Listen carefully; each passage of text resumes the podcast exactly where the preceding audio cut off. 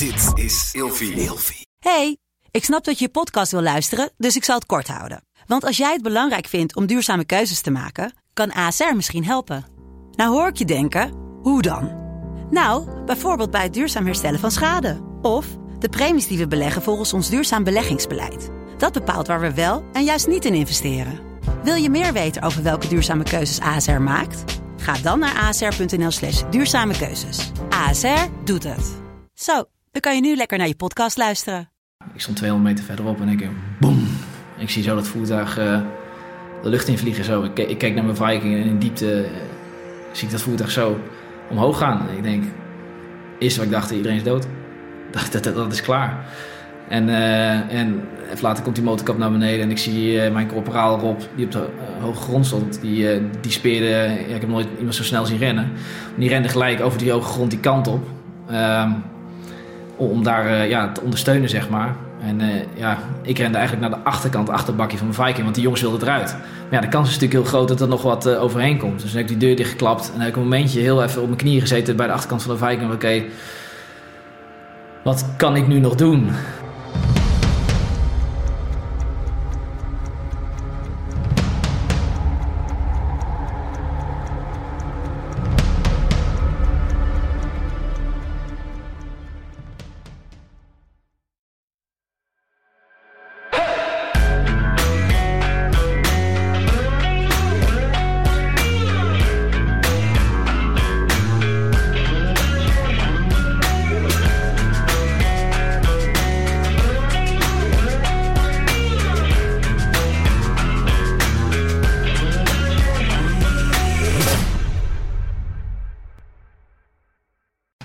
Welkom bij een nieuwe aflevering van Scherpschutters. We zitten er weer helemaal klaar voor in onze uh, Special Operations Forces uh, uh, planningshok, zoals ziet het hieruit.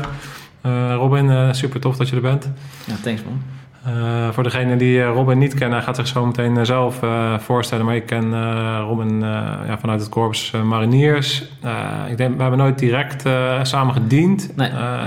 maar ik ken natuurlijk wel heel veel mensen met wie jij hebt gediend. En ja, we zijn elkaar op pad gekomen omdat jij op een gegeven moment aangaf dat je ja, meer mental awareness wilde kweken. Uh, en daar een bepaald uh, project voor had bedacht, 5-5. En toen hebben we samen een filmpje gemaakt. En uh, ja, bij jou is toen heel veel gebeurd eigenlijk. Hè? Ja. En daar gaan we het zo meteen uitgebreid over hebben. En natuurlijk ook waar, waardoor, waarom je dat dan wil doen en hoe dat allemaal gekomen is. Dus ja, heel erg tof dat je hier uh, vandaag bent. Ja, super leuk zijn, joh. Gaaf. Volg je, volg je de podcast een beetje? Ja, ja. ik heb uh, even kijken, laatst met, uh, met Tuinman gekeken. Dus ook erg interessant. Dus oh. ik volg het allemaal wel, ja. Mooie kerel is dat, hè? Ja, ja, ja. Ik vond het mooi wat hij allemaal vertelt.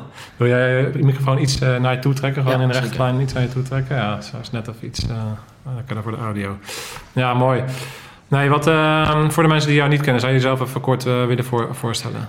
Uh, ja, ik ben Robin dan. Ik werk bij het uh, Corps Mariniers uh, nog steeds. Um, ja, ik ben laatst een project gestart dat heet 5-5 Out. En dat heeft te maken met mijn ervaring die ik heb met PTSS. En dat ik daar meer awareness voor wil creëren. Ja, kort en bondig is dat nu wat ik doe. Ja, en, en hoe lang zit je al bij het Corps Mariniers? ik ben opgekomen in 2003. Uh, toen ik tot uh, 2011, uh, ik was toen een corporaal geworden. 2011 ging ik er even uit. Ging ik even kijken hoe het in de burgermaatschappij was. prima bevallen hoor. Na maar 3,5 jaar ben ik weer, ben ik weer teruggekomen. Oké. Okay. Tot, tot heden dus weer ja, bij de Marns. Ja, maar grappig dat we elkaar helemaal gemist hebben eigenlijk. Want welke eenheden heb jij gediend? Want ik ben ook in 2002 opgekomen. Dus we, zitten, we hebben best van dezelfde tijd gediend eigenlijk. Ja, ja, ja. grappig ja. precies. Ja, ik zat even kijken. Ja, ik had het wel soepel natuurlijk, want ik ging na, na 2003 ging gelijk naar de West toe. Dus uh, ik zat ah, op Aruba. baas. Ja, ja. dus ik negen maandjes uh, Aruba gedraaid. En ja. Uh, ja, toen kwam ik terug. kwam ik bij 22e, dat is dan een infanterie-eenheid. en toen was ik eerste keer Afghanistan 2005. En even kijken, toen ja, ben ik daarbij gebleven. Ik nog mijn voorste kruisband even afgescheurd. En dus we hebben eventjes eruit gelegen. En toen kwam ik eigenlijk bij 23 e en zo, uh, ja. Eigenlijk altijd het tweede bataljon een beetje uh, gezeten. Ja. ja. ik ook. maar ik zat bij de 21ste. Nou, ik, ik ben in 2007 ben ik pelotonscommandant geworden van de 21ste. Ja. En toen ben ik eigenlijk direct naar Afghanistan gegaan na een paar maanden. Dus, Ja. eh, en, en jij bent denk ik naar, jij bent in 2005 al in Afghanistan geweest. Ja, dat ben je was- toen in het noorden, in het noorden van Ja, Afghanistan ja, geweest? Ja, ja was dat inderdaad. Ja. Mazar Sharif. maar dat- en, en daarna ben je in, wanneer ben je daarna weer, in- in 2009 dan? Of, Ja, 2009 naar uh, ja. twee verschillende missies in hetzelfde land, hè? Het is eh, een klein verschilletje, ja. Ja, want, de, want de eerste missie was best wel eh, ja, Eh, veel minder hoge dreigingen en zo, toch? Denk ik. Hoe, hoe Ja, ik, ik was toen eh 20 jaar. Dus dus dat was wel een echte ervaring voor mij. Maar qua, qua dreiging inderdaad, ja, wereld, wereld van verschil. We hebben toen wel te maken gehad met een beetje IED-dreiging en, eh, en, en, eh, en een strijk toen in, onze in onze area. Maar voor de rest, ja, het was, was, wel, was wel goed te doen, zeg maar. Ja. Ja. En wat, wat, wat was jullie missie toen daar in, in, eh, in het noorden? Ehm, ja, je had van die teams die gingen naar, eh, ehm, eh, naar mensen toe, zeg maar. En dan gingen ze praten en hoe ze eventueel scholen kunnen opbouwen of helpen of ondersteunen. En, PRT heette dat, of was dat PRT? Nou, nee, we zaten net voor, voor het PET-gedeelte. ja. Want Het PET schoof daarna aan. En, ehm, eh, en die ging, ja, OMLT-teams waren dat ook inderdaad. En, eh, die ging dan praten met mensen en van tent opbouwen en waterputten. En eigenlijk een beetje feeling krijgen in het gebied. En wij waren er puur als een soort eh, security, waren wij altijd, eh, altijd Ja. mee. Ja, super mooie tripjes gemaakt, absoluut. Door al die bergen en valleien en, en dingen. Dat was echt, echt een geweldige tijd. Ja. Ja. Nee, want neem ons heel veel mee, eh, een klein stukje terug. Uit wat voor nest kom jij en waarom ben je marinier geworden? Ehm, nou ja, eigenlijk gewoon gezin met, met z'n vieren. Ehm, eh, allebei mijn ouders zijn er nog, zijn nog samen. Ehm, en waarom ik het wilde worden? Ja, van jongs af aan eh, wilde ik eigenlijk altijd al eh, militair worden. Ik wist niet zo goed wat het inhield. Ehm, alleen, ik heb een broer die, eh, die is dan schizofreen, zeg maar. En mijn andere broertje autistisch. En, en ergens in het midden was ik nog. Dus... eh, eh, en dat is, als, als, als twee broertjes best wel wat hebben, zeg maar. eh, dan, dan is er wat minder aandacht, logisch, voor, voor degene in het midden. En ik was eh, eigenlijk altijd buiten. Altijd aan het eh kattenkwaad aan het uithalen en aan, eh, aan de rotzooien en doen eh, uit verveling. En ik denk dat ik ergens zocht naar een stukje structuur, maar ook wat je, wat je, ja, als je dan de plaatjes en foto's ziet natuurlijk en dingen, dan denk je, hey, dat, dat zijn echte gasten en dat, dat wil ik ook zijn. Ja, nee, maar het is, er was niemand in jouw ge- gezin of in jouw familie die marinier was? Of had Nee, niet nee. een voorbeeld? Nee. Nee, eh, nee, mijn oma komt altijd aanzetten met, met de stambomen. Dat vroeger, eh een jaar geleden, iemand militair was en daardoor komt dat. Nou ja, de-. Nou ja, ik, ik zag dat gewoon en ik wist van, dit moet ik gaan doen. Ja. Ja. Oké, en toen, eh, want je bent dus echt jong marinier geworden, op 18 of zo. eh. Ja, ik ben eerst nog bij de landmacht eh, gekomen. Ik heb toen het oriëntatiejaar gedaan van de landmacht, heette dat toen. Dat is een jaartje was dat. En dan ga je een beetje oriënteren. En toen zei ik, nou, ik wil naar luchtmobiel toe. Ehm, maar ja, ik woog 60 kilo.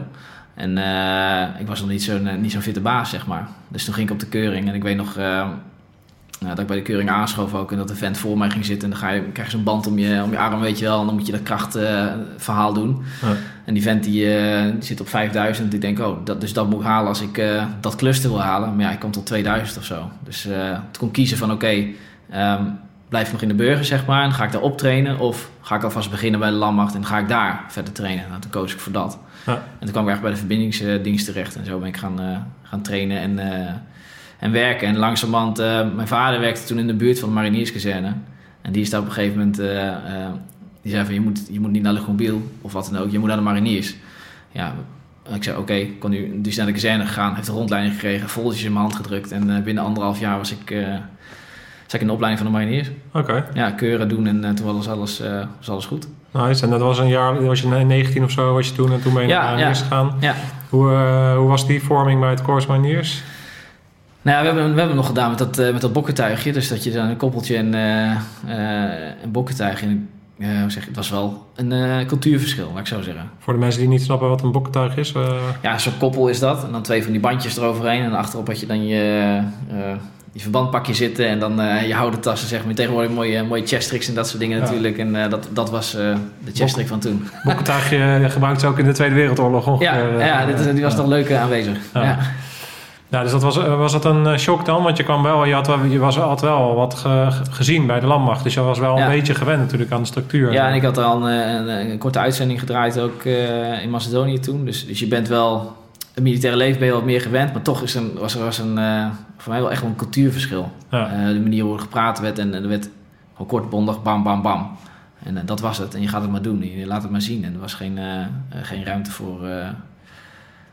ja, echt, echt tegenspraak of zo of wat dan ook. Dus het, eh, ja, het was wel eh, ja, een waanzinnige tijd wel, een opleiding. Ja, het korps wat eh, directer en wat harder eigenlijk. Ja, ja, ja. harder. Ja, en ook, je weet ook wel, je kiest natuurlijk fysiek gewoon een stuk harder. Toen had je nog niet van die mooie opwekschema's dat je wil gaan draven was het. En dan ga je gewoon lopen en, dan, en volgen. Volgen, ja. Ja, en dan was het gewoon de Brienoord weer op en af, op en af, op en af. Net zolang tot je niet meer bijna kon lopen. En dan, nou ja. Maar, maar dat, eh, kijk, je, je had misschien in het begin natuurlijk als jong broekje nog niet zo heel veel kracht. Maar je hebt wel een loopkast, denk ik. Eh, je bent een goede loper, of niet? Nou, op zich, ja, ja, ja. ik heb niet echt een loopkast. Ik ben zelf 84 kilo, dus... eh, maar ik, ik loop wel soepel, laat ik zo zeggen. Dat wel. Dat wel. En ik was niet mega loopfit ook. Ik weet nog dat ik op de eh defensieconditieproef toen net aan 2800 meter liep. Tegenwoordig is dat, is dat hoog. Ja. Maar, eh, nu, eh, maar toen was dat niet zo... eh, dan ben je nog leuk aan het aanpoten als je continu bij wil blijven. Ja. Oké. En ehm, ja, toen kwam je dus als broekie bij de eenheid. Hoe was dat Ja. bij de operationele eenheden van het Corps Mariniers? Als jong ventje, hoe heb je dat ervaren? Ja, ja nee, dat is ook een harde leerschool wel hoor. Want ik kwam toen met jongens die allemaal uit Irak net terugkwamen. Nou, die hebben natuurlijk allemaal dingen meegemaakt, op een bepaalde manier gewerkt. En eh, ik dacht, nou, ik kom uit de opleiding en ik ben wel een baasje, weet je wel. Ik heb een beret op. En die, die jongens die zeggen wel even van, eh, moet je luisteren, eh, we doen het zo en zo en zo. En eh, eigenlijk kom je al heel snel in de modus van, oké, ik ga eens even kijken wat die gasten doen. En ik ga daar eens even naar luisteren. En, en anders vertellen ze het wel. Ja.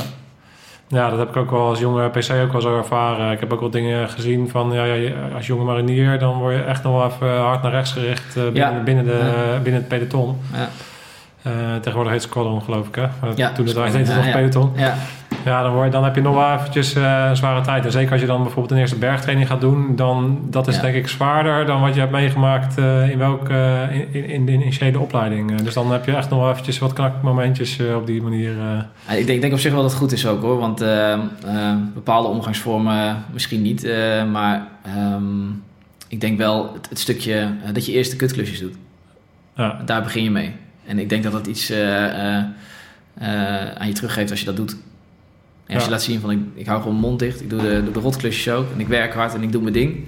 Dan krijg je ook re- redelijk dat respect op zich wel redelijk snel. Ja, ja, dat is gewoon de instelling. Als je die instelling hebt, dan kom je dan, dan je hebt gewoon even tijd nodig en energie moet je erin stoppen om one of the guys te worden en, Ja. en geaccepteerd te worden binnen zo'n club. Je moet gewoon even laten zien dat je, wil, dat je wil werken voor een ander ook, Ja, voordat je eh, ja, iets eh, zelf kan gaan eh, bijdragen. Ja.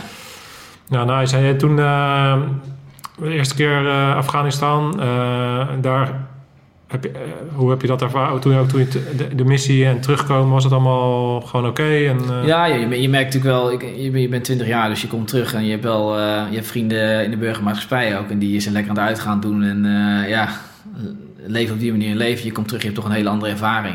Dus je bent wel een, ja, een stukje volwassenheid of zo. Je hebt natuurlijk een mega verantwoording op dat moment eh, die je met je meedraagt. En ik denk, denk dat dat wel, eh binnen dat moment ben je er niet zo bewust van. Want je, ja, tenminste, je bent jong, dus je doet gewoon je ding. Je gaat van de een in het ander. Maar dat is wel, eh, als ik op terugkijk, denk ik wel, het verandert je wel. Je, je jeugdigheid verlies je daar wel een stukje. Ja. ja, dat is natuurlijk een hele belangrijke periode ook in, eh, in je leven. Weet je, tussen je 20ste en je 24ste, een beetje, dan word je echt gevormd eh, van, eh, van jongen naar man eigenlijk. Dus als je daarin, eh, ja, dan ga je die dingen natuurlijk meemaken en zien. Ja, Eh, En eh, lo- loop eens even door naar die periode. Je hebt een, bent teruggekomen uit Afghanistan en toen eh, ben je toen al meteen de dienst uitgegaan? Of? Nee, even kijken. Eh, net in 2005 eh bedrijf gezeten. En omdat ik door de West was geweest, had ik dan die bij Bergen wintertraining niet gedaan. Dus die kwamen eigenlijk daarna. Oh ja. En die kon ik toen helemaal doorlopen. En ja, na mijn bergtraining, eh, toen had ik een ingescheurde kruisband eh, tijdens mijn bergtraining. En toen kwam ik terug in Nederland en toen eh, ja, scheurde die uiteindelijk af. En toen heb ik even anderhalf jaar uitgelegen. En revalideren en weer opbouwen. ja. En toen kwam redelijk, want ik zou eigenlijk weer meegaan naar Oerskan ook met de 22e. Alleen dat kwam even natuurlijk allemaal in het geding. Ehm, maar ik kende toevallig de LT van de 23e. En, en die, eh, op een gegeven moment, ik wist dat de twee lui uit zouden gaan, want ze gingen de fysieke testen doen. En twee lui, ja, die, die, eh, ja, die, die werden er gewoon uit. Dus ik, ja, via een buddy van mij van, joh, hey, er gaan twee uit. En toen belde LT mij, ben je fit? Ik zei, ja, ik ben fit. En eigenlijk, eh, 2,5, 3 maanden voor vertrek eh, mocht ik mee eh, naar Oeruzkan. En dan heb je wel een hele opwerkperiode meegemaakt dan met de Nee, peloton? nee. Ja, ik, had, ik had natuurlijk best wel wat ervaring, dus dat, dat scheelde een hoop. Maar ik, ik heb misschien drie maanden opwerkperiode meegepakt. Oké. Ja, heb, je, heb je dat, als je terug reflecteert, heeft je dat, was dat lastig? Om, ja, omdat je toch in, in, in zo'n club inschuift en dan eh, mee moet komen en wat mist? Of heb je dat niet? Nee, ja, je moest, je moest bepaalde drills even, even eigen maken. Dus je, je werkte heel erg met die Vikings, die voertuigen, zeg maar. Daar, dat was eigenlijk eh, eh, de drills die je eigen moet maken. Maar voor de rest, omdat je natuurlijk al je, je, je bagage hebt en je ervaring van je eerdere uitzendingen en dingen. Dus je bent, en het is altijd overal waar je komt met mariniers, je praat dezelfde taal. Dus je bent redelijk snel, Ja. ja, heb je, heb je, praat je dezelfde taal. En als je gewoon je ding doet, dan, eh, ja. Ja, kijk, ik heb zelf eh, Afghanistan was toch echt, eh, met name Oeruzkan was natuurlijk echt wel een andere missie, denk ik, dan eh, 2005 eh, in het noorden. Die, Ja. de, bela- de beladenheid die rond die missie Ja, zat, ja. die voerde je op het moment dat je daarheen ging. Je wist van dat er, wat er allemaal al gebeurd was. Hè? Zeker in 2009. Ik bedoel, hoe heb je dat in de aanloop ervaren? Heb je toen al in je onderbuik, hoe heb je die spanning ervaren van het daarheen gaan? Nou, ik, ik wilde heel graag daarheen. Eh, want je traint zo lang en je doet zoveel. Ehm, mindset was heel erg van: oké, dit is waar het om gaat. Hier gebeurt het. Hier, hier eh, en ondanks de, de, de verhalen. ehm wil ik nagaan. Toen, ik revalideerde toen bij het MRC voor mijn knie. En dat is het Indorend Revalidatiecentrum. En daar kwamen dus jongens terecht.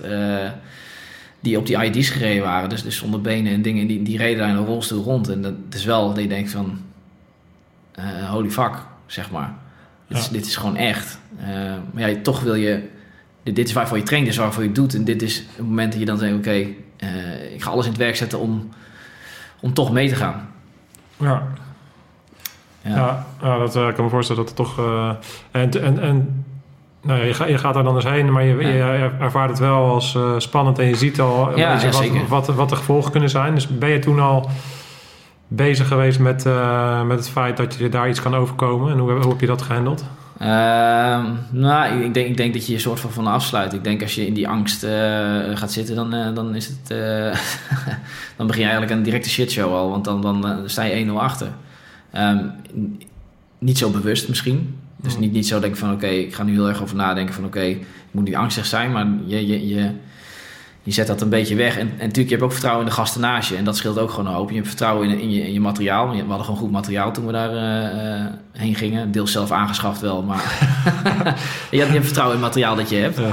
Ehm, eh, maar je, je krijgt wel een reality check gelijk als je daar aankwam. Ik weet dat we in eh Kamp Holland aankwamen. Dat je, dan sliepen we in het de cafetaria, omdat er nog geen plek was. Maar dan wel gelijk die alarm af dat we weer van die 107's binnenkwamen. In de buitenring dan wel. Dus niet direct een dreiging voor jou. Maar het is wel van, hé, hey, oké, dit is wel eh, eh, echt, zeg maar. Ja. Ja. Ja, ja want jij kwam aan op eh, Kamp Holland. En Ja. opereerde je ook vanuit Kamp Holland? Of ben je naar Derecham geweest? Of andere... Ja, even kijken. De hoofdplek was Kamp Holland. Maar op een gegeven moment zijn wij naar Kop de Bar gegaan. oh ja, dat is Derecham, toch? Ja, die, midden- die, die area dat Een on- eh, ten zuiden van de Belucci-vallei. Ja, ja. Dus tussen En Belucci Vallei en, eh, eh, en Kamp Holland in. ja, en richting een beetje verderop in Kakkerak inderdaad. En dan, eh, ja, ja, ja. Kakkerak was altijd gezellig Ja, natuurlijk. altijd feest inderdaad. ja, ja. Oké, ja, ne- ne- neem ons mee in die missie. Van, eh, wie was, eh, eh, wat was jouw rol binnen het peloton? En, en hoe zijn je voor het eerste port uitgegaan vanuit Kamp Holland eh, echt het gebied in? Hoe is dat gegaan? En je wordt natuurlijk als eerst meegenomen eh, door de club die ervoor is. Dan ga je daar redelijk, eh, hoe zeggen, ja, je gaat van mee op, op een soort eh, voertuigpatrouille. Dus je, je hebt een, eh, en ik zat dan in een geweergroep dan, zo heette dat toen. En eh dan zat je met, eh voor mij, acht, negen man of zo geloof ik, zat je erin. En ik was dan, eh, ja, de functie die vrijkwam was eh, mag helpen. Dus, eh, maar mag schutten, dus dat, eh, ja... En ik draagde gewoon een minuutje mee eigenlijk. En de, en de reserve lopen en dat soort dingen allemaal. Ja. Ehm, ja, en dan leer je eigenlijk een beetje eh, van die gasten die er zijn. Van joh, eh, hoe doen jullie? eh, wat zijn jullie eh, skills en drills en wat hebben jullie geleerd? Ja, en eigenlijk zeiden die gasten heel erg van... eh, eh, ik hoop dat je nog wat engeltjes over hebt. Want wij hebben er heel veel gehad. En die vertellen dan hun ervaringen. En dat zijn wel dingen die ik denk, jezus, dat echt... eh, dat, dat, ja, Wat, wat voor soort dingen hadden, hadden zij meegemaakt? Eh, Ja, met ID-strijk, beschietingen, dingen, ja, neem het. En, en, en, maar ook van dat, dat hij net niet afging, of dat, die, dat ze er net voorbij waren dat hij dan afging, of dat niemand gewond raakte. Of, ja, Ja. ja, gelukjes heel veel. Ja. Of zo. Nou, dat is wel herkenbaar. Dat hadden wij ook. Ja, Ik, heb ook, eh, ik ben ook met mijn ongepantserde voertuig met ANA's eh, twee keer over naar ID heen gereden. Ehm, letterlijk 10 meter van de ID gestaan met een vehicle checkpoint. ja, Vervolgens nog een keer eroverheen gereden Ja. en in een overwaarts gegaan. En s'nachts ging dat ding ineens de lucht in. ja, ja.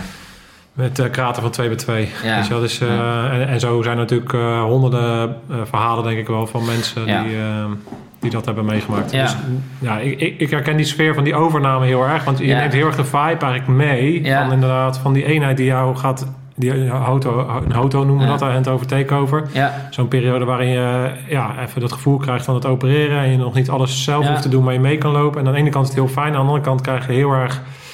De club die, waarvan ik het van overnam, die hadden echt wel heftige dingen meegemaakt. En Ja. er hing ook echt wel een, eh, bij bepaalde mensen een sfeer van... eh, ja, die, ze, wilden ook Ja. echt, ze wilden ook echt weg. Ze wilden naar huis. Er wa- was zoveel eh, gebeurd en ze waren ook echt wel klaar. Ja. En dan, ja, dat, dat, dat, dat is wel een bepalende periode. Hè?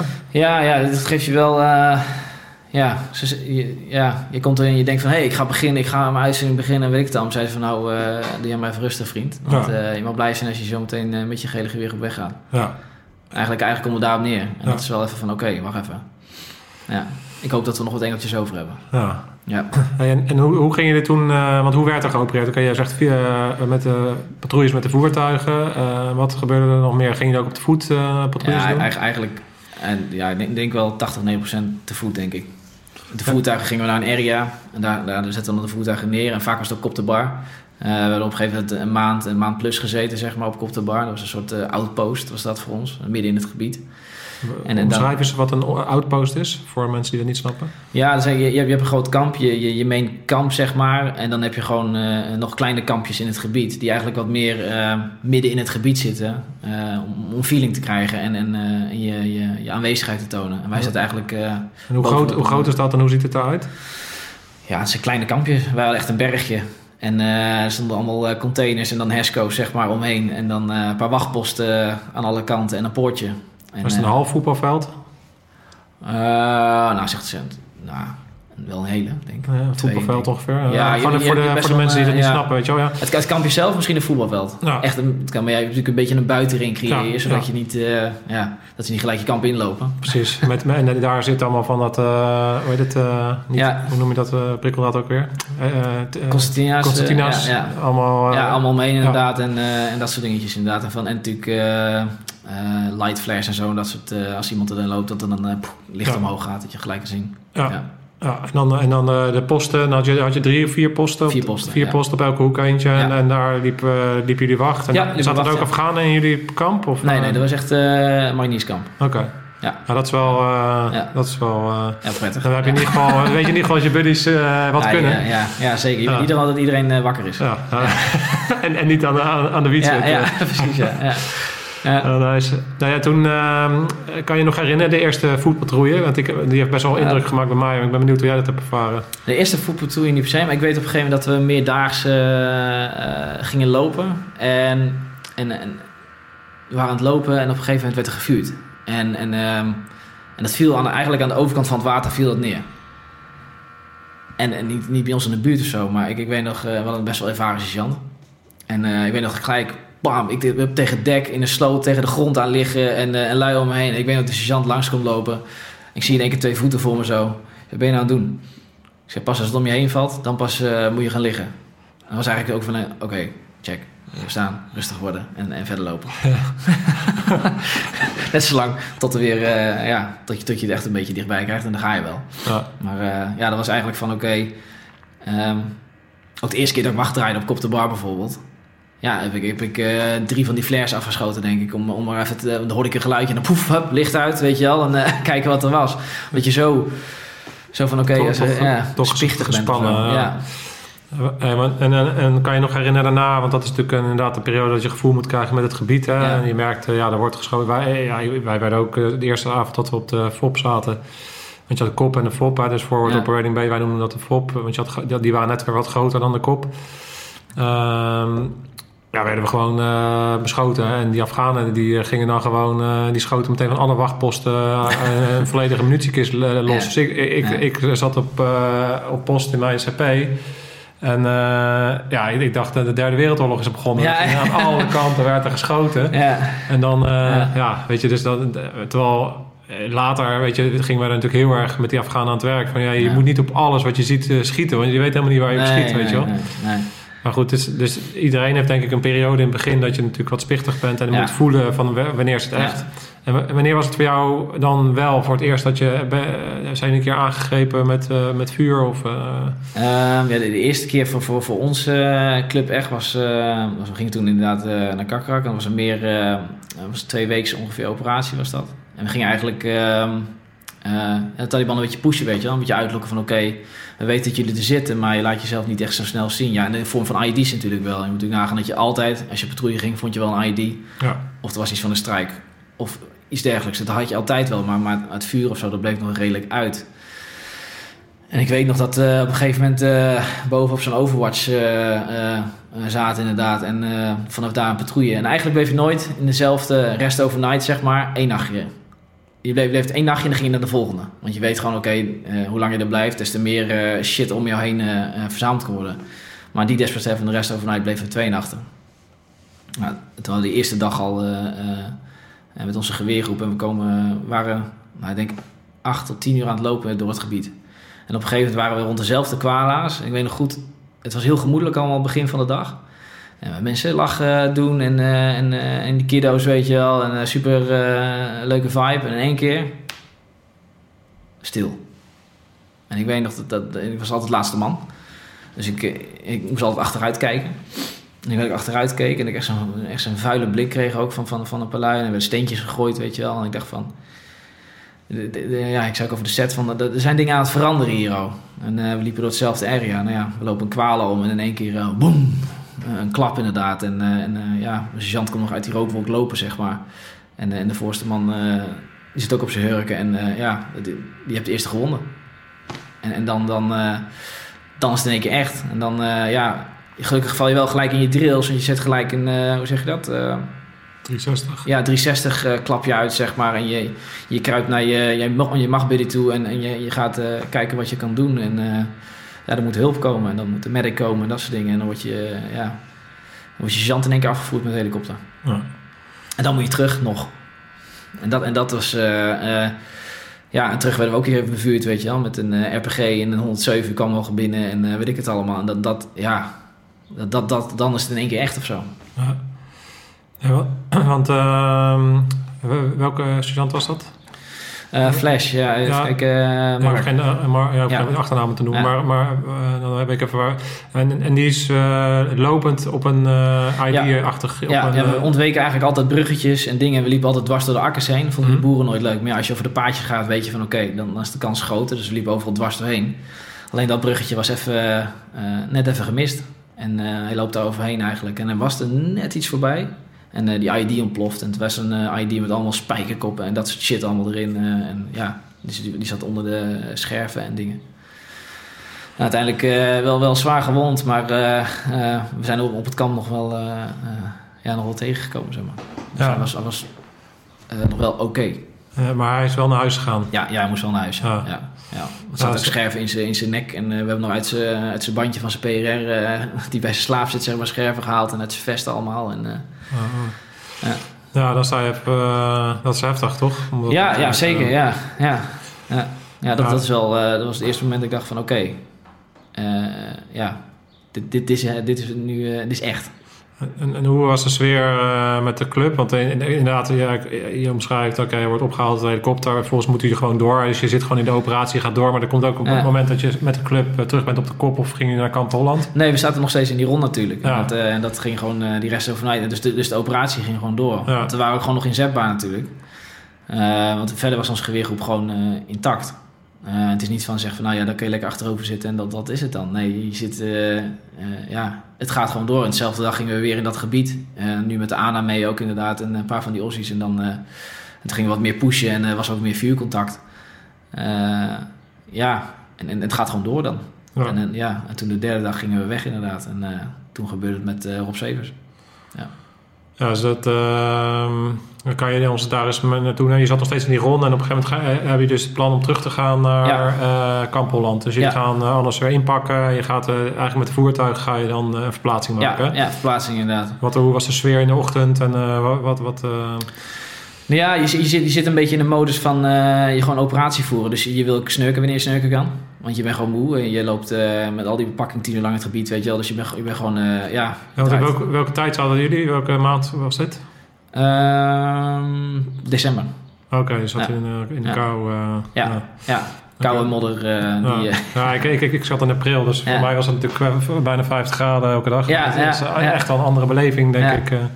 ook weer andere omstandigheden. Maar ja, jullie waren in het inpakken en, en natuurlijk gewoon Ja. je operatie draaien en jullie gingen rijden. En, en toen?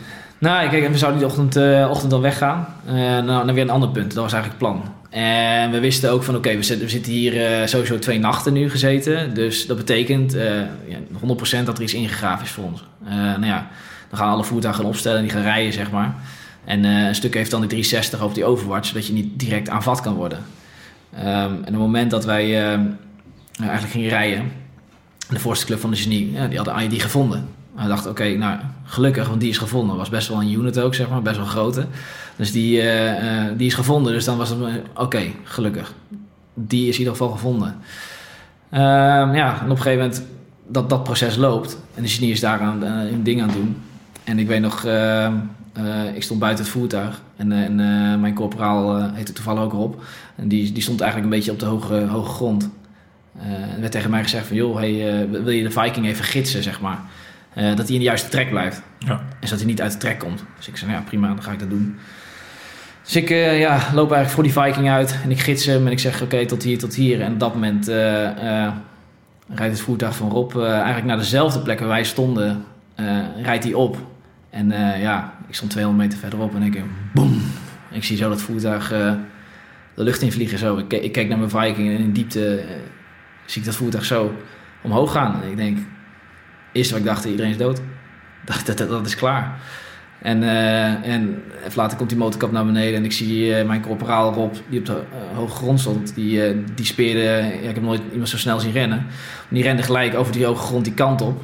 Ehm, om daar ja, te ondersteunen, zeg maar. En eh, ja, ik rende eigenlijk naar de achterkant, achterbakje van mijn Viking, want die jongens wilden eruit. Maar ja, de kans is natuurlijk heel groot dat er nog wat eh, overheen komt. Dus dan heb ik die deur dichtgeklapt en heb ik een momentje heel even op mijn knieën gezeten bij de achterkant van de Viking. Oké, wat kan ik nu nog doen? En toen ben ik weer naar voren gelopen, de, de merktas gepakt. En eh, ben ik daar naar gesperen. En op dat moment kwam de Bushmaster van de, van de genie kwam ook al voorbij. En ja, je weet niet dat het safe is of zo. Maar je, je, je ben gewoon gaan speren. En, en, en toen kwam ik daaraan inderdaad. En toen zag ik daar eh, Rob liggen, eh, inderdaad zonder zijn ja, onderbeen. In eerste instantie wist ik ook niet zo goed wat ik zag. Want ik dacht, wat is dit voor geks, weet je wel? Wat, wat, hoe ziet het er precies... maar dan heel snel heb je die klik van, oké, wacht. En, en dan, dan ga je gewoon handelen. Sander lag er ook naast, zijn, zijn chauffeur, zeg maar. En die lag er ook gewoon bij en die eh, eh, had dan een tourniquet geplaatst. En eh, ja, toen ben ik... Bij zichzelf bij Rob. bij Rob inderdaad, Ja. ja. En toen ben ik mijn tourniquet nog gaan plaatsen. Ook over zijn andere been. Want die, die, ja, die was ook aangort, zeg maar. Dus dat, dat, die lag in een rare hoek. Dus ik denk, ja, voor de zekerheid gewoon. En eigenlijk, ja, dat, dan, dan gaat het draaien. En ik weet nog dat die, die vent van de genie ook uitstapte en zei van... joh, wat kan ik doen? Ik zei, ja, ik zei BCLS, weet je wel. Ja, maar infuus maken. En eigenlijk die molen en, en, ehm, en mijn corporaal op zat dan naast mij... En die, eh, eh, die heeft nog even gevuurd op wat verdachte lui. En eh, ja, en, en ik heb heel erg op zijn hand vastgehouden en aangekeken van het komt goed, het komt goed, weet je wel. Maar ja, je weet, dit- zoals het eruit ziet, komt het natuurlijk niet goed, dat, dat gedeelte. En je weet voor de rest inhoudelijk niet wat, wat, eh, wat voor verwondingen je hebt. Je gaat alle, alle symptomen ga je af. En wat je probeert is hem rustig te houden, zodat je die niet... Kijk, op het moment dat hij beweegt, wordt het alleen maar erger. En, en, en ja, toen redelijk eh, vlot kwam de C-lessen erbij. En die heeft dan wat meer kennis. Dus die kon wat meer dingen doen. En dan komt de medic erbij. En dan gaat het hele proces draaien. En dan ja, ben je daar onderdeel van. En je probeert het gewoon rustig te houden. En, eh, en, en ja, te vertellen hoe en wat. Ja. Ja. ja. Heftig, Ja, ja. Ben je ook met hem eh, mee de heli ingegaan? Uh, nee, kijk, ik heb hem wel gebracht. Dus met, de, met de, stretcher gebracht, zeg maar. En ja, het, mooie is ervan, van wij, wij eigenlijk... Toen wij elkaar, en dan schuif ik heel even snel naar voren hoor. Maar toen we elkaar in de Roeber tegenkwamen, wisten we niet... Dus ik wist wel wat ik voor hem gedaan had, maar hij wist niet van mij af. Want ja, het is een grote situatie. dossiervorming was toen nog niet zo heel erg lekker. En, dat, dat wisten, wisten niet van elkaar, zeg maar, soort van. En ehm, ehm, ja, ik heb hem toen gebracht naar de, inderdaad, de helikopter. En hij vertelde me later uh, dat hij in een helikopter zat, inderdaad. Dat hij zijn duimpje omhoog heeft gestoken van, uh, nou, dit was het. En nu is het Index. En dat heb ik nooit geweten. En ik had altijd het idee van, oké... Uh, ik heb nooit het gevoel gehad dat je iemands leven redt, ehm, op dat moment. Maar hij maar dat, uiteindelijk met de mensen die we daar gewerkt hebben, hebben we wel zijn leven gered. En ik dacht, oké, we hebben je, we hebben je, uh, we hebben gered uh, dat je been er niet, uh, hoe zeg je dat? Ja, dat je alleen je been eraf is en meer, ja, je hebt gewoon je ding gedaan of zo. Ja, ja zeker als je nu ziet hoe Rob, Rob is natuurlijk ook in de podcast geweest. En ja. als je ziet ja, wat dat waard is voor, ja. voor zijn mensen om hem heen. En dat hij gewoon een, een, gelukkig leven leidt. En ook nog van waarde is wat Corso Maniers en voor al die gasten. En, ja, En dan, is, dan heb, je, heb je daar gewoon uh, direct aan bijgedragen om op dat moment er te zijn voor degene die dit uh, overkomt. En, en, dat is natuurlijk uiteindelijk de, de brotherhood van het Corps Mariniers of van welke eenheid dan ook, wat je, wat je ook voelt. Want op het moment dat jij er had gelegen, weet je ook dat al die, al die gasten hetzelfde ja. bij jou hadden gedaan. Ja. Ik denk dat dat uiteindelijk dat het gevoel is uh, wat je dan ook beschrijft voordat je op zo'n uitzending gaat, is wel het, het gevoel van onsterfelijkheid wat je bijna hebt met elkaar zit, zit, komt dan daar naar voren. Ondanks dat je natuurlijk niet onsterfelijk bent, maar dat gevoel heb je wel daardoor eigenlijk. Hè? Je, je weet dat, uh, dat diegene naast je voor een gevaar voor eigen leven uh, jou zou proberen te redden. Ja. Dat gevoel ik wel sterk. En dat, dat, dat hebben wij natuurlijk op dat moment ook gedaan. alleen dat is wel, ja, dat gevoel ik wel sterk. Van je weet van oké, okay, mocht er wat gebeuren met mij, wat dan ook. mensen zullen niet stilstaan en kijken. Die, die, die zullen handelen, ook al zal hun eigen leven daarbij in het gevaar komen. Ja. ja. Hey, en uh, ja, jij bent toen, uh, nou dat, dat is natuurlijk heftig. En uh, ja. dat is voor iedereen heftig, voor de hele eenheid. Uh, ja, jullie hebben op een of andere manier alles opgeraapt en zijn dan waarschijnlijk naar Kamp Holland gereden. Ja, we zijn donker zijn we weggegaan, teruggegaan inderdaad. Ja. En toen? Ja, dan kom je op Kamp Holland en dan, ja, het was, was heel apart, want ik, ik weet nog dat ehm, dat ik, uh, daarna zat ik weer gewoon in 360 beveiliging. Toen, toen, toen ik Rob in de helikopter had gebracht. Dus dat ja, voor mensen natuurlijk die nu beeld hebben. Het gaat gewoon door. Het is niet van je zegt van oké, dit was het. Ik ga thuis nu een bakje doen en ik ga er even heel goed over nadenken. Nee, wij gingen terug naar Kamp Holland. En dan krijg je dan een uh, verplicht groepsgesprek, zeg maar. Over, over hoe en wat. En ik weet dat ik dat nog super, super onprettig vond. Omdat ik mijn hoofd gewoon totaal van wat ik gezien had en wat gedaan had. Dus ik was, was totaal geëmotioneerd en... en, en uh, ik kon het allemaal niet rijmen. En ik zat ook met jongens in een groep. Um, ik was de enige van mijn eenheid samen met mijn corporaal die op dat moment bij, de, uh, bij, bij, uh, ja, bij Rob was geweest. En de andere jongens hadden uh, gewoon achter in de Viking gezeten. dus die hadden niet hetzelfde ja. meegemaakt op dat moment. Ik weet nog dat ik daar zat en dat ik, pff, ik zo onrustig en, en, en zo'n gesprekje voer je dan en een ding. En dan ja, en eigenlijk is het dan een soort van rustmoment komt daarna. En ik weet, die, die avond heb ik bijna niet gesnurkt. Elke deur die dicht viel, uh, schrok ik van wakker. En uh, elk uh, apart geluid en weet ik het allemaal. Ja, ik ben gewoon super onrustig. Maar ik ben nog ik thuis even gebeld had, had van... joh, alles is oké okay met mij. en, en, en daarna ga je, ga je de volgende voorbereiden op de volgende operatie. Nou, ja. Ja, dat is natuurlijk heel belangrijk, omdat je ook natuurlijk uh, zometeen gaan we het natuurlijk hebben over de mental awareness, de, de opkomst van PTSS. En omdat ik heb het natuurlijk al heel vaak ook uh, gehad over PTSS en die, die, juist deze periode vlak na wat er gebeurt is eigenlijk essentieel. Um, om ervoor te zorgen dat je dat zo goed mogelijk verwerkt. En heel veel praten en daar, en daar genoeg ruimte voor geven is eigenlijk uh, essentieel. Maar als ik jou zo hoor, dan is dat natuurlijk lastig, omdat je in een operatiegebied zit en iedereen natuurlijk anders reageert. Eigenlijk kan het niet. Nee. Eigenlijk kan je dat niet uh, uh, een plek geven zoals het hoort, want je, want je moet door. Je kan, je kan ook verkiezen om te zeggen van nou, ik trek het niet meer, uh, ik stop ermee en ik ga naar huis natuurlijk, als je het heel ver op speelt. Maar dat is niet het... Uh, nee, maar je, je moet het met elkaar doen. Je moet het met elkaar, dus dan, je gaat niet... Uh, ergens weet je ook dat, dat het erbij hoort of zo. Dus je, je gaat gewoon door, want dit, hiervoor ben je er. Ja. En daarvoor doe je het. En je weet van, oké, we zijn samen opgewerkt, dit is het. En, en ja, we gaan verder.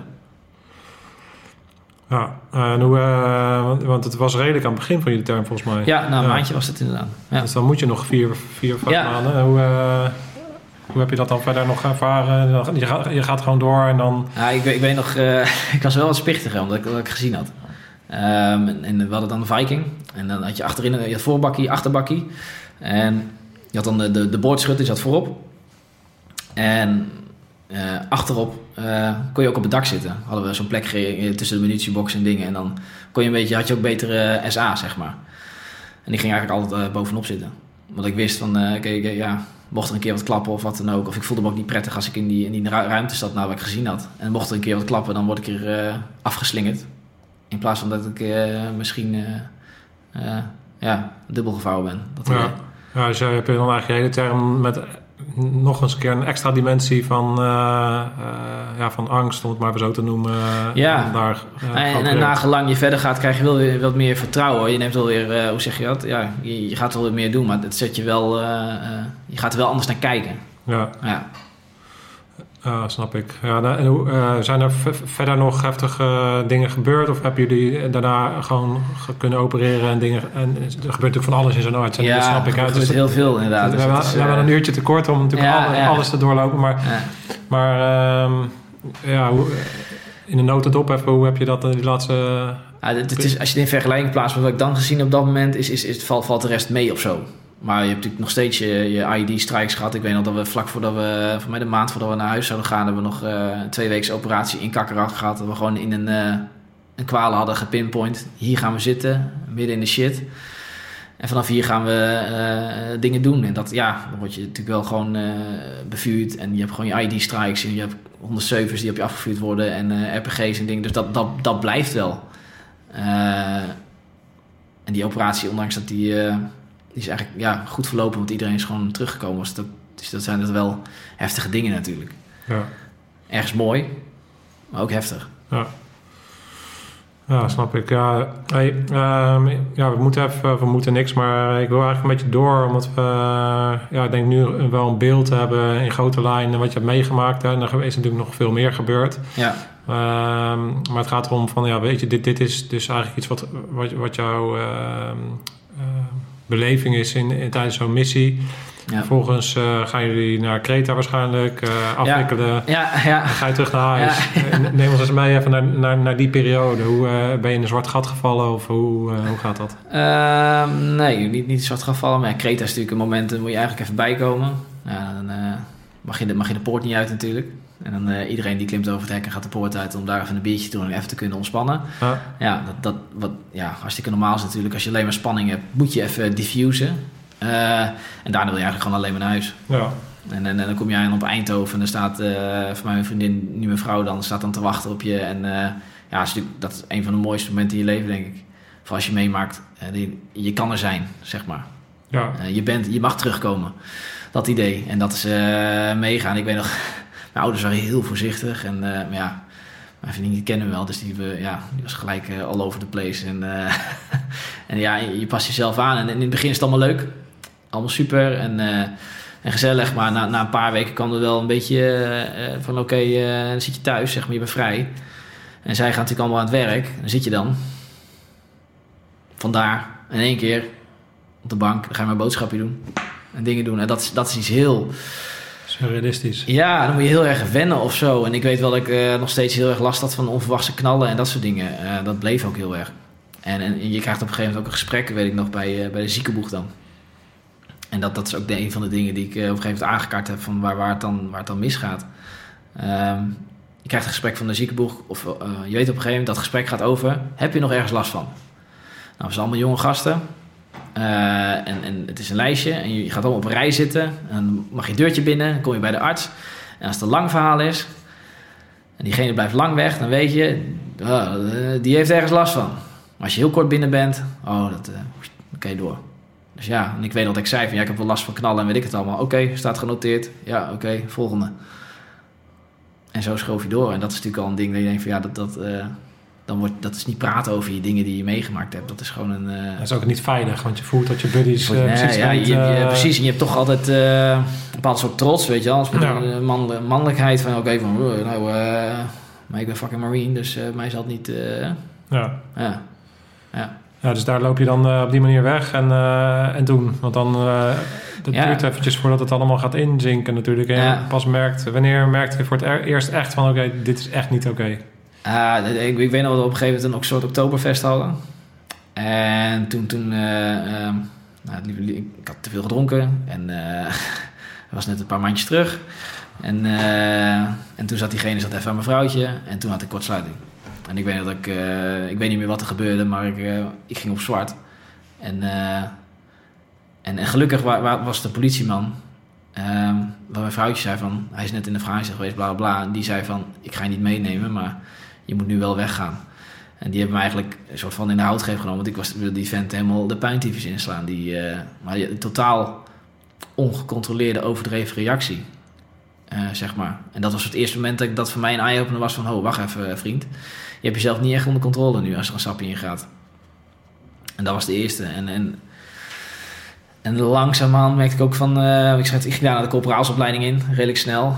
En daar merkte ik al dat ik... redelijk negatief ingesteld was. Want ik, ik, kon, ik kon de dingen die ik daar leerde niet rijmen met de werkelijkheid en de realiteit. En, eh, en, en, en dat wa- waren wel signalen. Ja, toen kreeg ik een functie aangeboden om bevoorrading te gaan doen. Toen dacht ik, nou, dit is mijn hele carrière niet voor me. Ik wil leren leiding geven, dus ik ga de burgermaatschappij in. Ja. En eigenlijk ging het daar vrij, vrij goed. Vrij soepel. Ja, en dan merkte ik nog niet zoveel. Eh, toen ging... eh, voordat ik weer terug naar de Mars ging, heb ik nog even bij het KST eh, geprobeerd. En in de, toen zat ik in de ACO. En eh, week vijf ben ik daar toen uitgevallen. Want, eh, want, want die stressoren, die, die waren toen al aanwezig. En, en zij zeiden toen tegen mij, er gebeurt iets met jou. Op het moment dat we jou op een bepaalde manier onder druk zetten, gebeurt er iets met, mij, met jou. Dus ik dacht van ja, ik ben gewoon een fucking kut militair. Ik heb het niet gehaald. Ik ben er vijf weken uitgevallen, dus eh, ja, super kritisch op mezelf. Maar eh, wat jullie zeggen, dat slaat nergens op. Ik ben gewoon niet fit genoeg, punt. Dat was eigenlijk de eerste echte indicatie dat zij zeiden in de feedback van... oké, we willen je wel terugzien, maar eh, dit is wel een dingetje waar je even iets mee naar moet kijken. Eh, nou ja, ik uh, koppig zoals ben natuurlijk. Hey, ik ga door, ik ga verder en ik ga bij de Marrens.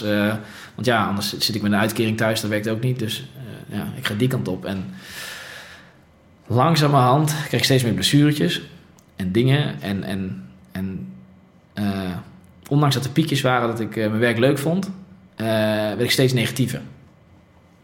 Emotioneel deed niet zoveel meer. Werk deed me niet zoveel meer. En, en dat waren. en dat slopen we eigenlijk heel, heel langzaam in. Ja, tot we op een gegeven moment een functie aangeboden kregen naar Aruba. Eh, dat wilde mijn vrouwtje ook heel graag. En ik dacht ook van ja, het is eigenlijk wel super relaxed om dat eh, gewoon te gaan doen met z'n tweeën op avontuur. En toen ik daar was en, en, en de ontspanning in combinatie met de geboorte van mijn dochter en, en al die dingen. En ik zag Rob daar weer voor het eerst en de warmte. En dat was één grote cocktail om, om het, het laatste restje eh, ja, wat ik nog over had te doen overborrelen. En Hoe, hoe gaat dat overborrelen? Nou, ik, ik weet, eh, ik was sowieso al eh, in de groep waar ik zat. Eh, ik was al heel erg aan het, ja, ik noem het, asocialiseren. Dus ik kon, ik kon niet dealen met groepspanningen. Jullie hebben niet hetzelfde meegemaakt als ik. En kijk, en, en, en, dat, was, dat was heel lastig. Ik kon sociaal kon ik niet rijmen. Mijn vrouwtje daar ook van, ja, van wat, wat, wat, wat, is er nou mis met je, weet je wel? En, en, en op een gegeven moment, ik had wat paniekaanvallen en dingen. En ik zat altijd daar met mijn ademhaling. En uh, ik drukke ruimtes ging niet goed op. En ik sloot me af als, als ze op een bepaald moment tegen me praten. En op een gegeven moment, die kleine was er en ik was... Uh, uh, en ik had wel dingen, we zeiden al van, nou, als we terugkomen naar Aruba, gaan we wel even naar de dokter. Want ik kan even kijken, misschien moeten we even met iemand gaan praten. En ik weet dat ik in Hilversum stond. Want we waren even terug in Nederland. En ik stond midden in de winkelstraat. En die kleine had ik, en mijn vrouwtje was in de winkel. En ik dacht, nu kan hij ook met de ID afgaan. En ik voelde me zo bedreigd. Dat voelde zo echt voor mij, ondanks ik wist dat het niet echt was. Dat ik dacht van, oké, dit is niet goed. Ik kan hier niet in de, nu kan ik niet meer in de functie, functionerende maatschappij. Ik kan hier niet... Uh, Dus toen, ja, dan ga je naar de arts. En dan, maar eigenlijk van het moment dat je die realisatie hebt, uh, en die paniekaanvallen en dingen, en die kwamen werden alleen maar erger. Tot hallucinaties. Uh, aan toe dat ik op een gegeven moment bloemetjes zag, op de, waren gele bloemetjes.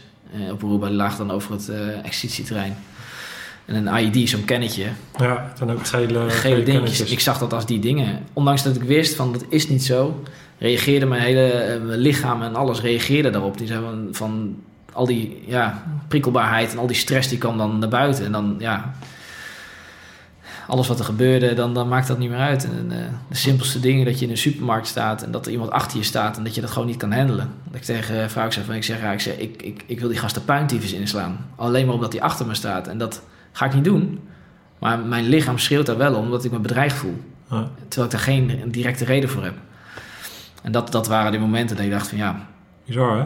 Ja. Ja, ja zeker nu, uh, want jij hebt nu natuurlijk al een heel proces doorleefd eigenlijk. Dus je kan nu al een beetje zo uh, terugkijken. Maar het is eigenlijk bizar wat dat dan uh, met je doet in je lichaam. zo, ja, ja. Met je geest eigenlijk. Ja, het is, het is, het is echt, het is ja. echt en ik, ik heb er een keer een post over gedaan over de onzichtbare vijand. Maar het is echt, het sluipt erin. Je hebt, je hebt, je hebt het niet door. En ondanks dat je dingen hebt waar je niet helemaal lekker bij voelt. Je gaat natuurlijk, ja, ik heb al vaak zat aan die, aan die hartmonitor gelegen. Van, ligt het nou aan mijn hart? Ligt het nou aan dit? Ligt het nou aan zus? Ligt het nou aan zo?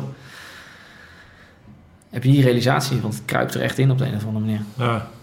Nee, wel, uh, want hoeveel, nu praten we over een paar jaar na Afghanistan al, toch? Dit is al al 2000... Tien jaar na Afghanistan, ja. Tien jaar na Afghanistan. Ja, ja maar eventjes ook een beeld te vormen van wat, die, uh, wat dat dus uh, doet en hoe lang dat dus nodig heeft om een soort van op te bouwen. Ja.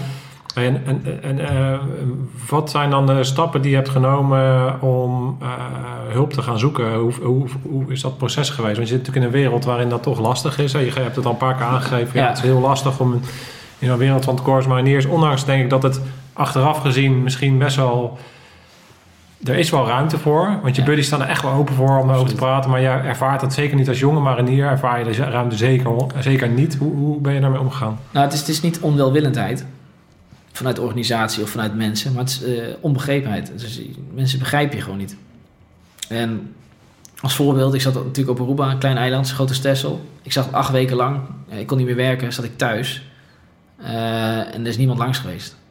Ja, de dokter. Maar niemand van, van mijn directe baas, van mijn eenheid of wat dan ook. En, en als je erop terugkijkt, dat, dat, dat zijn dingen die, die, ja, die kunnen gewoon niet, zeg maar. Dat is, dat is met iemand die in zo'n situatie zit, is dat not done. En ik, het is niet dat ik kwalijk neem, maar dat is dat onbegrepen. Uh, het, is ook, het is ook de. Het is ook, uh, ik ben natuurlijk PC geweest.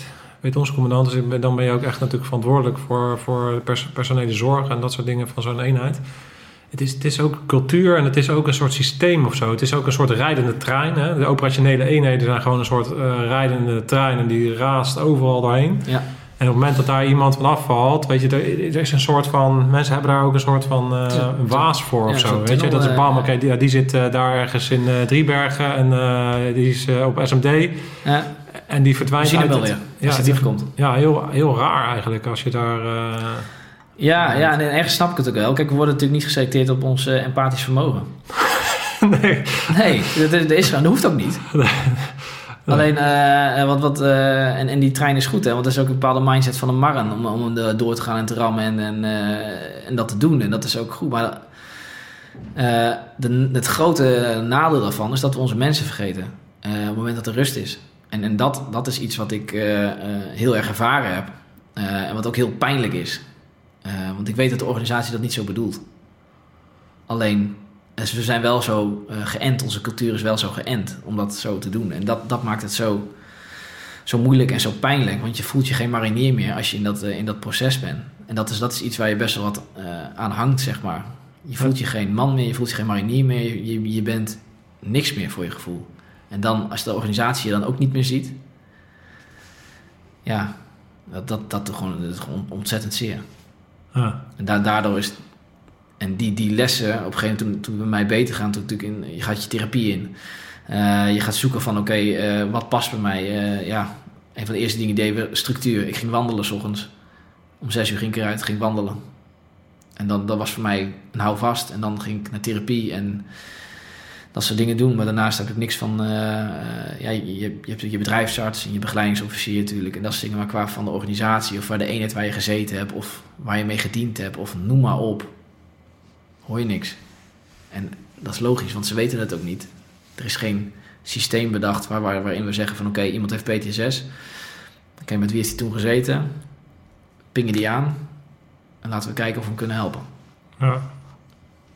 Ja, dat is natuurlijk uiteindelijk wat je ook aangeeft waar je ook eh, behoefte aan hebt. Weet je, het feit dat je contact hebt met Rob op uh, Aruba en dat je dan even Ja. dat momentje hebt dat je elkaar zonder met een half woord eigenlijk direct begrijpt. Want Ja, je bent ja. allemaal daar geweest. Ja, Dat is eigenlijk natuurlijk waar je heel erg behoefte aan hebt, omdat je heel erg eenzaam gaat voelen. ja, Kan ik me voorstellen. Dat je dus helemaal geïsoleerd raakt. En je, je raakt je eigenlijk je identiteit maar een stukje kwijt. Want je Ja. ja. man en sterk en eh, marinier.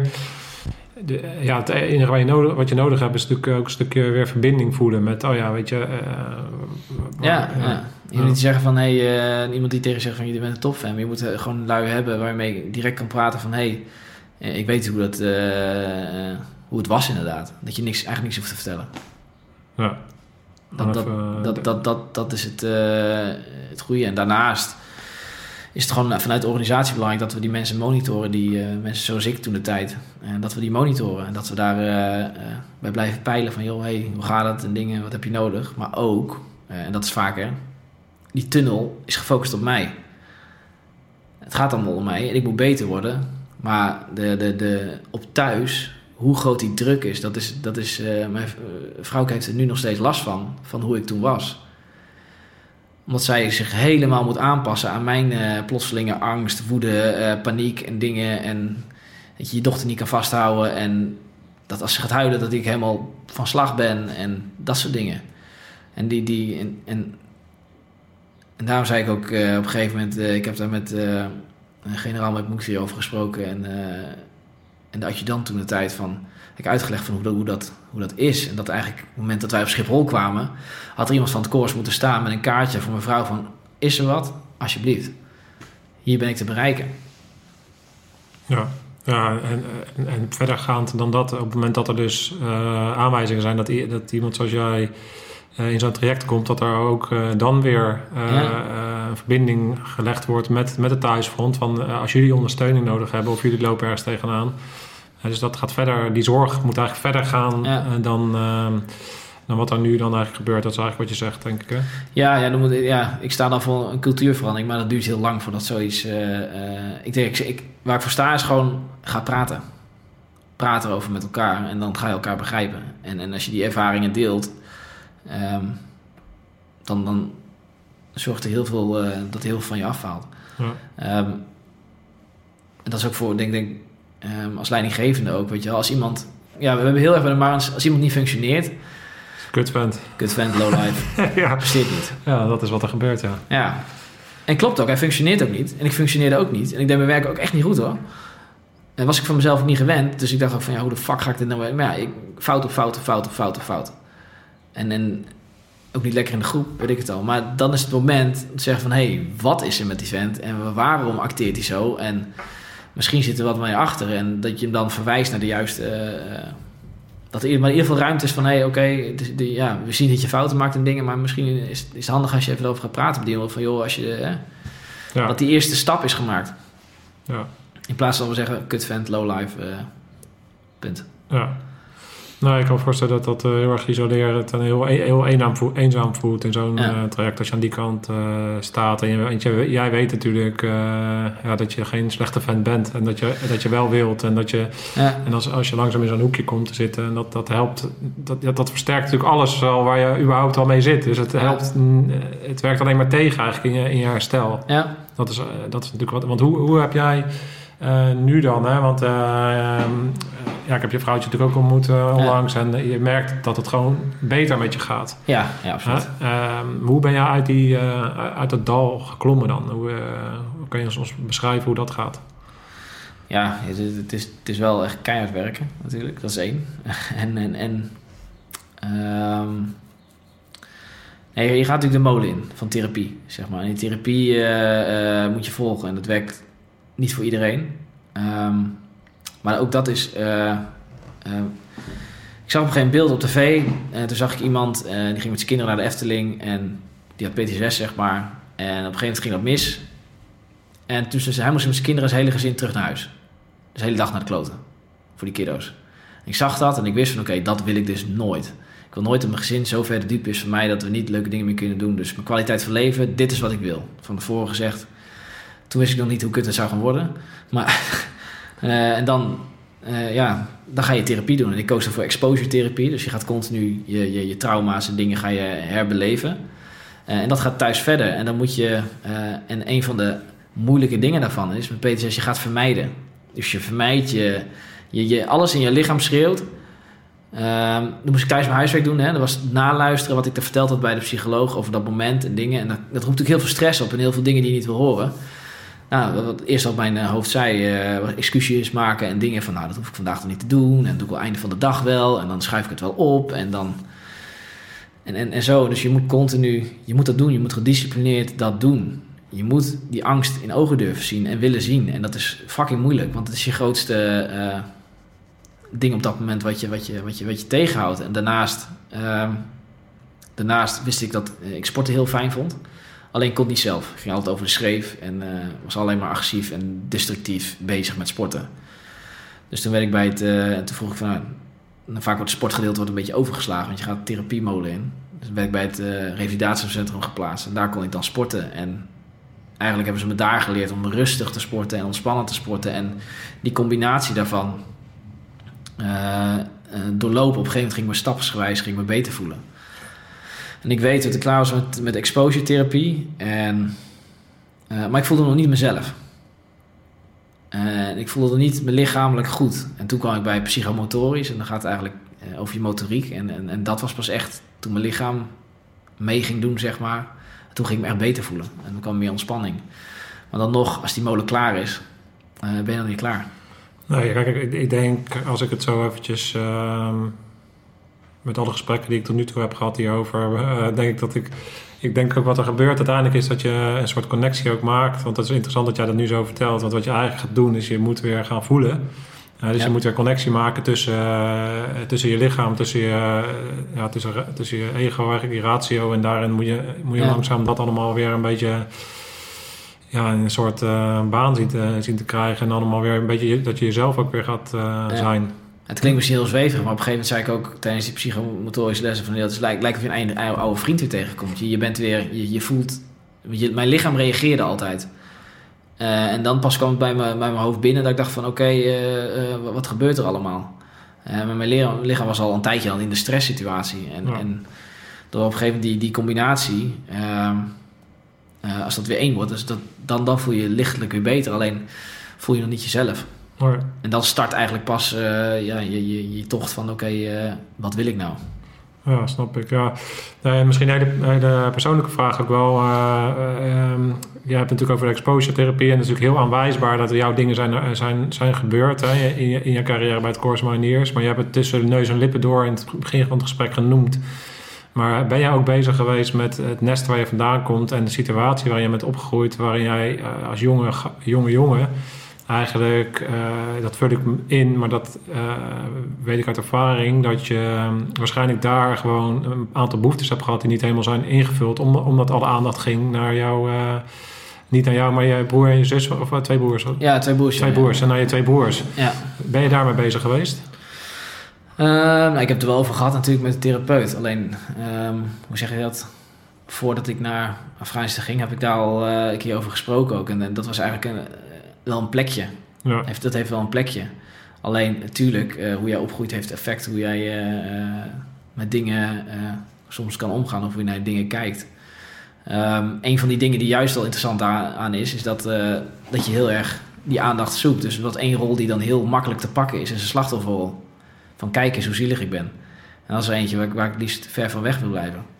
Ja. En, en dat, dat was wel een stemmetje dat vaak kwam ook van... oké, okay, uh, ga, ga maar lekker slachtoffer, ga maar lekker zielig doen... en laat de wereld maar om jou draaien. En nu heb je tenminste de aandacht. En dat probeerde ik, op het moment dat een stemmetje opkwam... probeerde ik het eigenlijk van oké, okay, het is kut waar ik in zit... maar uh, uh, daar gaat het niet om. Ja, ja dus dat, dat, dat, dat, helpt, dat werkt je ook tegen. Ja, ja, het is wel een discussie inderdaad met ja. jezelf die je, dan, die je dan voert. Maar ja, als je er bewust van bent, dan kan je dat... ja. ja. ja. Ja, nice. Nou, ik heb in ieder geval, eh, ik zeg het altijd, maar dat heb ik eh, nu wederom. Ik heb er enorm veel eh, bewondering en respect voor dat jij in staat bent om je verhaal te doen. zeker omdat ik weet waar je vandaan komt en de wereld waar je vandaan komt. En ja, je moet, daar maar, je moet daar maar gaan zitten. Ja. je moet maar durven om naar voren te stappen en te zeggen: Nou, dit is eigenlijk waar ik vandaan kom, hoe ik, hoe ik dit heb beleefd en wat ik heb meegemaakt. En dat dan willen delen. En dat is natuurlijk uh, ja, waar we ook mee begonnen zijn in dit gesprek. Is, ja, jij wil daar natuurlijk ook uh, aandacht aan geven. Hè? Dus, je, dus dan, uh, daarom heb je Five, five Out ehm, ja. heb je opgezet. Ehm, hoe is dat ontstaan, dat idee? nou ja, dat begon vorig jaar. Want ik als, als hardlopen op een gegeven moment weer als structuren gevonden. Ik had er rust in gevonden. En vorig jaar heb ik toen 50 kilometer gelopen. Uh, terwijl ik niet echt voor getraind had voor 50 kilometer. Maar dat was een soort overwinning op mezelf. Dus ik denk, wel, ja, erop ga ik 100 kilometer doen. Maar ergens bleef maar uh, uh, in mijn hoofd ook, en dat is een gesprek met generaal Boeter ook over gehad. Ik wil, wat mij overkomen is op die manier, wil ik veranderen. Want dat is niet gunstig voor andere mensen die misschien in hetzelfde straatje op een gegeven moment gaan komen. En tijdens een van die lange ja, stukken lopen dacht ik op een gegeven moment 5-5 uh, is gewoon als je zegt: Oké, okay, uh, zero radio check over. en je komt terug met 5-5 out. Betekent: hey, ik hoor je duidelijk. Ik denk: Ja, ik kan voor 100 kilometer gaan trainen. en één stuk hardlopen. Of 5-5, vijf dagen. Vijf marathons in vijf dagen. dat is natuurlijk wel een mega krachtig signaal als ik dat kan afgeven. En, en eigenlijk door die fysieke prestatie, door, door dat, dat, dat, dat pijn lijden dat dat erin gaat gebeuren, probeer ik uh, uh, ja, op een positieve manier aandacht te vragen voor, voor uh, dat we hierover gaan praten, over onze mentale gezondheid. Ja. Ja, dat, en dat lukt, want je, je, krijgt behoorlijk aandacht. Ja, je zit hier, maar je bent ook bij Mental, Men's Health. ben je ja, stond ik in, in de maart-editie inderdaad. Dus dat, ja, onder knokken voor klikken, dat is ook een mooie titel. Ja, ja. nee, dat, dat lukt aardig inderdaad. Dus ik merk wel, het is, het is, het is wel hard werk ook. Want je, ik begon eigenlijk op een avond in één keer, nou, ik bouw even een site. En ik maak even een Instagram. Uh, en ik denk, ik zei tegen vrouw, ik zeg, als één iemand je geholpen is, zeg ik, hey, dan vind ik het goed, hè. Ik ga die marathons lopen en, en, vanaf daar zien we wel. En sindsdien is het geëxplodeerd en heb ik alle positieve wat ik tegenkwam, heb ik gepakt. En, en ja, nu sta, nu, ja, nu sta ik hier inderdaad en, en uh, hebben we met jou natuurlijk dat filmpje gemaakt en veel teweeg gebracht. En er, is, er wordt over gesproken.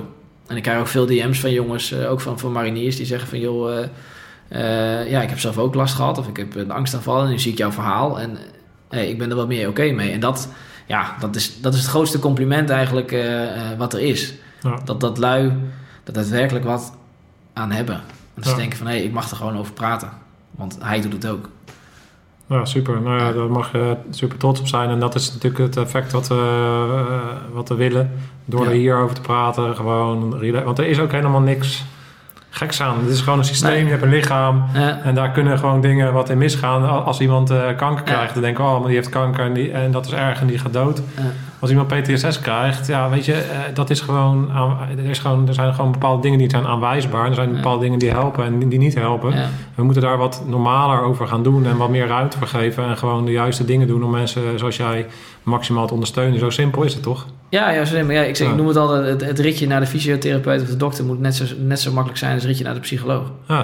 Maar is het niet. Als, het lastig, als, we, als ons been gebroken is, gaan we er van alles aan doen. Of uh, we gaan het fysio dingen, weet ik het allemaal. Zorgen dat, maar is ons hoofd kapot? En ik nou, pff, kan wel even wachten. Doen we even, kijken wel even. En dan wordt het, dan wordt het een moeilijk verhaal. Ja. Ja. Ja, dus, uh, ja, super dat je dat uh, gaat doen. En we gaan, uh, er gaan natuurlijk nog meer gave dingen aankomen. Ja, ja, wanneer kunnen mensen jou gaan aanmoedigen? Kan, kan, dat überhaupt? Want je gaat vijf dagen lopen in juni ergens. Ja, in juni ergens inderdaad. Nou, ik start in Amsterdam, maar ik ga de routes nog online gooien. Tenminste, A, van punt A naar B. En ik loop eigenlijk het, een beetje het land door. Cool. ja. En waar kunnen mensen jou vinden als ze jou willen gaan volgen? het beste is via at 55.out. Via Instagram. Instagram. Instagram, maar ik doe alles met de Instagram inderdaad. Cool. Ja. Nou, we gaan, uh, ik blijf je ook volgen, dus ik blijf, ja, uh, blijf natuurlijk ook dingen delen. Dus als je uh, mij volgt, dan zal je ook zeker dingen van jou voorbij zien komen. ik vind het heel erg tof dat je hier bent geweest en je verhaal hebt gedeeld. En ja, ik kom je uiteraard binnen, binnenjuichen in Rotterdam waarschijnlijk. Hè? Ja, Rotterdam is het eind, eindstation inderdaad. Nou, dan ja. kan, kan niet anders. Uit de bakermat van het Korsmanier. Ja. Dus, top, dankjewel. Maar heb je alles gezegd? Ja, ja, denk het wel. Ja. Ja. Ik denk dat we, als ik klaar ben met dat lopen, maar eens een keertje moeten gaan praten weer. Ja, ja mooi man. Alright, nee, top. eh dankjewel. En, eh, Jij bedankt, super dat ik hier mag zijn. Top. Alright jongens, een bijzondere aflevering van Scherpschutters. Robin, zijn verhaal gedaan. En bedankt voor het kijken en tot de volgende keer. Scherpschutters. Alright.